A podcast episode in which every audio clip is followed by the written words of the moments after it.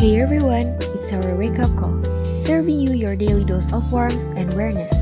My name is Rifka Faiza, and in this episode, Gibran and I are talking about fear of missing out, which has the possibility to lead us having burnout.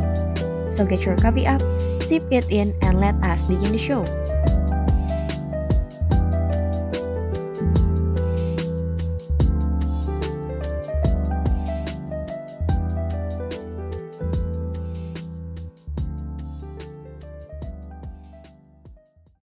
Hey everyone, it's our wake up call, serving you your daily dose of warmth and awareness through your ears.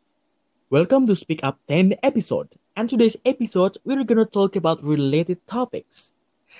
Dan perkenalin nama gue Gibran, dan pada kesempatan Speak Up podcast kali ini gue nggak akan sendirian dan gue bakal ditemenin sama temen gue dan ngebahas tentang hal-hal yang benar-benar dekat dengan kehidupan sehari-hari kita.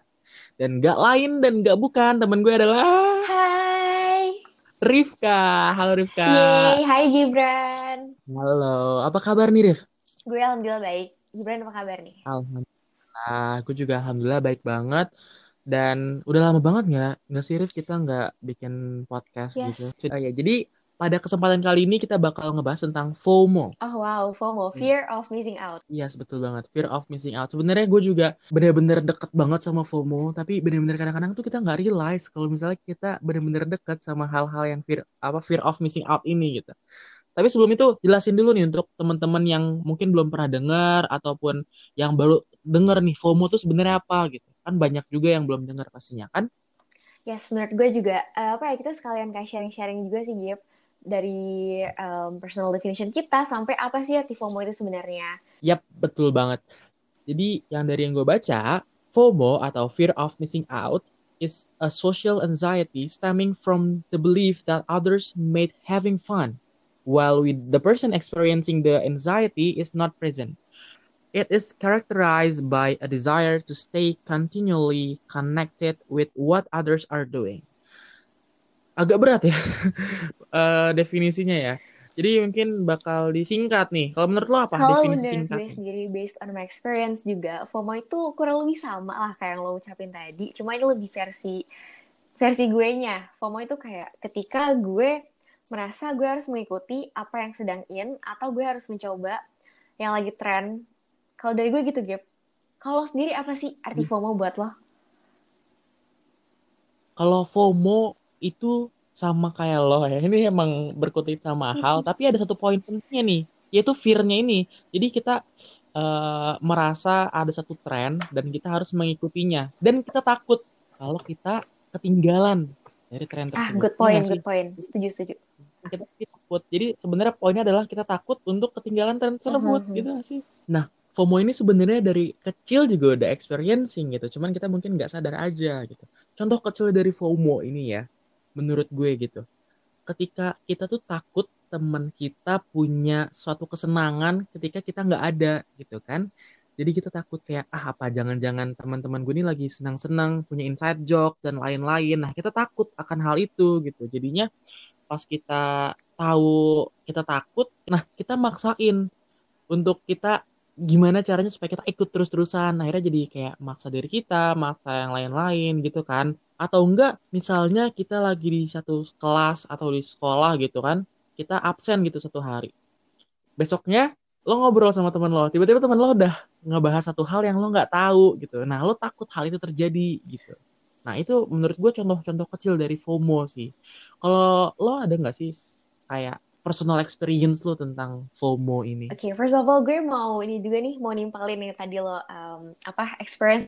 Those days tuh really exist. One day lo nggak masuk, terus the next day-nya tuh uh, ngerasa kayak udah nggak fit in lagi sama the group yang lo tuh biasanya main sama mereka gitu kan. Itu mungkin pernah dialamin sama kita-kita semua pas masih kecil nih, Gap. Karena I personally feel it, experience it juga. Terus kalau misalnya personal experience gue, eh, mungkin pas masih SMP kali ya. Pas gue masih kayak baru banget nih ke dunia skincare dan make up. Jadi somehow gue, em, apa ya, sering banget belanja make up atau skincare yang emang gue kira-kira bakal suka atau bakal cocok but turns out tuh gue nggak cocok atau gue udah bosen atau gue udah nggak pakai lagi dan sampai ujung-ujungnya tuh gue ngerasa kayaknya harusnya nggak kayak gini deh sayang-sayang banget nggak semuanya bakal cocok nggak semuanya bakal kepake dan mepet sama tanggal expired. Kalau dari gue gitu sih Gap. Kalau Gibran nih personal experience apa sih towards FOMO? Nah karena gue dulu SMP itu bener-bener gimana ya nggak ngerawat diri banget. Jadi gue kurang relate untuk yang sama kayak lo gitu. Kalau gue sih FOMO ini gue lebih ke arah yang tadi sih yang ke pertemanan. Karena gue gue kurang suka sama di medsos gitu sebenarnya. Personally gue lebih suka yang kayak interaksi langsung dan lain-lain. Jadi personal experience gue yang tadi gue sebutin gitu. Nah kalau gue tuh anxious banget kalau misalnya temen-temen gue tuh main dan gue nggak ada di sana. Bener-bener itu tuh bikin gue kayak apa mereka tuh kayak punya kesenangan sendiri? Apakah mereka apakah mereka tuh ngomongin gue atau enggak kayak mereka itu punya hal-hal yang seru untuk dilakukan gitu. Jadi tuh gue selalu takut kalau gue nggak ikut di sana gitu. Gue takut ketinggalan perkembangan mereka gitu, pertemanan gue sama mereka gitu. Itu gue yang paling paling benar-benar bikin gue anxious banget sih. Kalau personal experience gue tuh gitu. Nah, dari tadi kan lo jelasinnya tentang skincare, terus ada lagi yang zaman kecil yang having fun, terus juga yang di sekolah, terus yang personal experience gue gitu kan. Berarti FOMO ini sebenarnya banyak banget gak sih tipe-tipenya? Kayak di segala aspek yes, tuh ada. FOMO gitu. comes in any forms gitu ya. menurut gue ya, Gip. Nah, bener banget. Jadi dia nggak cuma di kehidupan biasa loh, bukan kayak di offline loh, bahkan sampai ke online gitu kan? Exactly. Nah, apalagi kan sekarang lagi pandemi gini nih, Gip, di mana kita lebih sering menghabiskan waktu di rumah dibandingkan kita keluar. Dan pastinya ketika di rumah ya hiburan kita balik lagi ke layar. Entah itu layar tablet, layar handphone, layar komputer, layar uh, laptop. Apalagi dari sosmed ini udah berkembang banget nih Jeep jenis-jenis FOMO-nya. Apa pun yang dilakukan seorang influencer atau orang dengan followers banyak uh, memiliki dampak ke orang-orang yang mengikuti. Nah, betul banget tuh. Jadi yang poin yang gue tangkap dari lo sih ini juga berkembang gak sih FOMO tuh berkembang juga gitu karena FOMO ini kan sesuatu uh, social problems ya kan satu masalah sosial atau isu sosial gitu jadi ketika sosial di manusia itu berubah ketika lifestyle kita berubah, ketika kehidupan kita berubah, pasti problem itu juga bakal beradaptasi gitu kan, bakal ngikutin yang tadinya cuma offline sampai ke online dan bahkan yang di sosmed-sosmed gitu yang cara nggak sadar kita tuh fear. Jadinya missed out kan, Gip. Dari situ tuh mungkin timbul lagi masalah-masalah baru, dampak-dampak baru. Nah, karena tadi keep expanding, jadinya aspek-aspeknya juga banyak gitu dari yang online ini. Contohnya aja kayak tadi yang influencer-influencer gitu yang contohnya kayak di TikTok, yang kayak di Graminsta dan lain-lain gitu kan, kayak di di bidang ekonomi gitu misalnya di FOMO ini. Orang-orang karena termakan sama influencer, termakan sama public figure dan lain-lain di sosmed gitu kan. Di ekonomi juga ada gitu FOMO-nya. Contohnya adalah di jual beli saham gitu kan ada satu influencer yang bilang saham itu bagus gitu akhirnya pada beli gitu kan karena takut ketinggalan takut ketinggalan sama trennya takut ketinggalan dari profitnya dan lain-lain padahal mungkin nggak sebenarnya nggak sepenuhnya benar gitu yang diucapkan oleh si public figure gitu contohnya aja yang kayak kemarin yang belum lama ini si Elon Musk itu tuh dia ngeinvestasiin dananya di salah satu cryptocurrency. Nah, ketika dia investasiin situ, wah langsung naik tinggi banget uh, harga di cryptocurrency-nya itu gitu. Nah, itu kan orang-orang tuh takut akan kehilangan uh, peluang-peluang yang mungkin mereka anggap itu adalah bagus gitu. Ah, I see. Jadi kadang kayak dengan uh, anggapan tersebut, statement tersebut kayak misalnya suatu hal bagus nih. Sesuatu yang bagus belum tentu work out di kita. It's okay kalau misalnya emang satu hal yang uh, misalnya fit in di satu orang dan itu nggak fit in di kita. It's okay Iya, it's our life gitu, bukan kita bukan jadi orang lain gitu. We are not their shadow gitu. We are we are human. Kita satu individu. Nah, itu dari ekonomi, ya kan? Dari yang kayak ekonomi yang kejualan bahkan ke iklan-iklan juga kan. Kalau lo lewatin suatu toko misalnya M dan H gitu kan. Misalnya lewat M dan H gitu. Terus ada iklan dan lain-lain orang-orang pada beli ke sana gitu. Lo tuh ketakutan, takut nggak dapat diskonnya takut lo kehilangan tren-tren baju-baju happening gitu kan. Nah itu kan dari ekonomi. Kalau dari sosmed gue pengen ngebahas clubhouse gitu. Iya, karena clubhouse ini kan salah satu yang baru juga nih baru masuk. Dan ini tergolong sebagai eksklusif social media. Kenapa eksklusif? Karena to be uh, one of the users dari Clubhouse ini, lo harus di invite dulu gift dari user dari Clubhouse. Terus, it is only available on iOS gitu. Oh iya iya iya. Jadi orang-orang pada takut gitu ya kehilangan uh, tren atau kayak takut ngerasa nggak hits gitu ya. Berarti gue nggak hits ya. gue nggak pakai Clubhouse. Ya karena gue Android user. ya tapi nggak gitu juga nggak sih? Kayak ya yes. gue fine fine aja nggak pakai Clubhouse gitu. Bahkan sekarang Clubhouse malah jadi turun lagi gitu kan. Nah, gue ngelihat dari yang Clubhouse ini gue keinget satu teori nih. Sebenarnya teorinya dari ekonomi sih sebenarnya. Jadi tuh di ekonomi tuh ada yang namanya economic bubbles. Gue nggak tahu ini diimplementasikan di mana, tapi gue belajar ini dari ekonomi.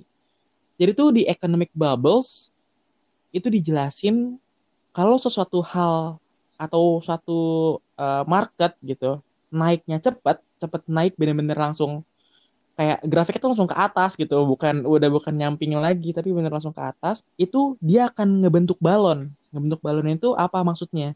Jadi suatu saat balon tersebut akan meletus juga gitu. Jadi kesimpulannya kalau satu hal itu barang atau satu hal itu cepat naiknya bakal cepat turunnya juga karena balon tersebut bakal meledak gitu. Teori yang economic bubbles itu sih.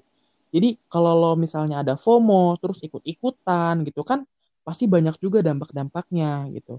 Yang tadinya misalnya di ekonomik ya, misalnya ada satu saham gitu, tiba-tiba orang-orang pada beli karena harganya langsung naik gitu. Suatu saat itu bakal langsung meletus dan langsung anjlok lagi gitu. Bukan ngerugiin kita doang, ngerugiin semua pemilik-pemilik saham itu juga gitu. Bahkan juga dampak-dampaknya itu bakal berkelanjutan. Tapi di FOMO ini itu fokusnya itu nggak cuman berdampak di kolektif doang gitu, tapi juga ada berdampak buat diri pribadi. Ya yes, sih? especially um, dari segi kesehatan mental ya, Gip. Tadi lo mention akan meletus. Nah, ini gue mengibarkan sama burnout. Jadi once kita ngikutin tren terus, kita kita FOMO lah istilahnya. Terus ada momennya mungkin kita akan burnout, kita akan ngerasa enough, tapi belum ke sisi positifnya nih, Gip, ke sisi negatifnya. Kayak misalnya kita bisa not feeling enough, kita mau jadi yang selalu yang utama, selalu yang paling-paling. Itu kita bisa banget Gip dapetin itu dari terus-terusan ngikutin tren. Jadi kita kayak lebih takut was-was kayak ah gue nggak hits banget nih kalau nggak ikut ini ah ini gitu jadi lo kayak takut oh nggak diterima di masyarakat yes, dan gitu jadi uh, apa ya tercipta kayak statement-statement yang sebenarnya itu nggak kayak gitu kalau misalnya lo nggak download aplikasi ini nggak kayak teman-teman lo lo nggak akan jadi orang yang paling kuno, lo nggak akan jadi orang yang paling nggak tahu apa-apa. Iya sebenarnya itu cuman ketakutan-ketakutan aja yang lagi uh, ada gitu yes. di hati kita gitu kan. Our feelings are 100% valid. Tapi kita pengen um, ya, mengurangi, minimize dampak-dampak dari FOMO dan gimana sih kita nge-prevent FOMO dan membedakan mana tren yang perlu kita ikutin atau tren yang ya udah we just have to be the watcher aja gitu. Nah, jadi intinya adalah boleh kita ikutin tren, tapi ya yes. ada tapinya kan. Kita harus juga realistis, harus bijak dalam menanggapi suatu tren gitu. Karena nggak semua tren harus kita ikutin gitu. Ada tren-tren yang memang kita memang harus mengikuti. Contohnya ya penggunaan teknologi gitu kan. Penggunaan teknologi kan juga tren termasuknya. Ataupun kayak suatu perubahan lah yang awalnya kita cuman nulis di buku, terus akhirnya kita berubah ke teknologi, itu kan satu tren juga gitu, perpindahan.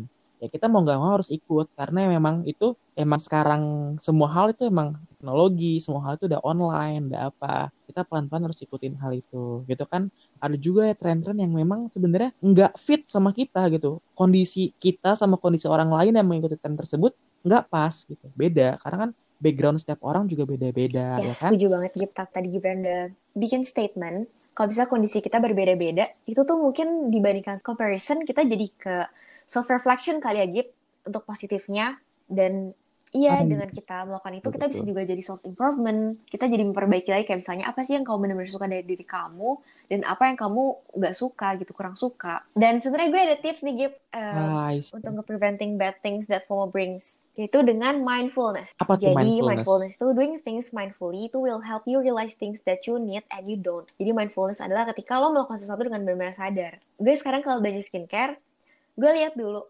kandungannya pertama gue cocok atau enggak, harganya masuk apa enggak sama budget gue. Terus yang ketiga, gue bisa mempertanggungjawabkan barang ini atau enggak. Jadi itu mungkin kayak lebih ke pengimplementasiannya.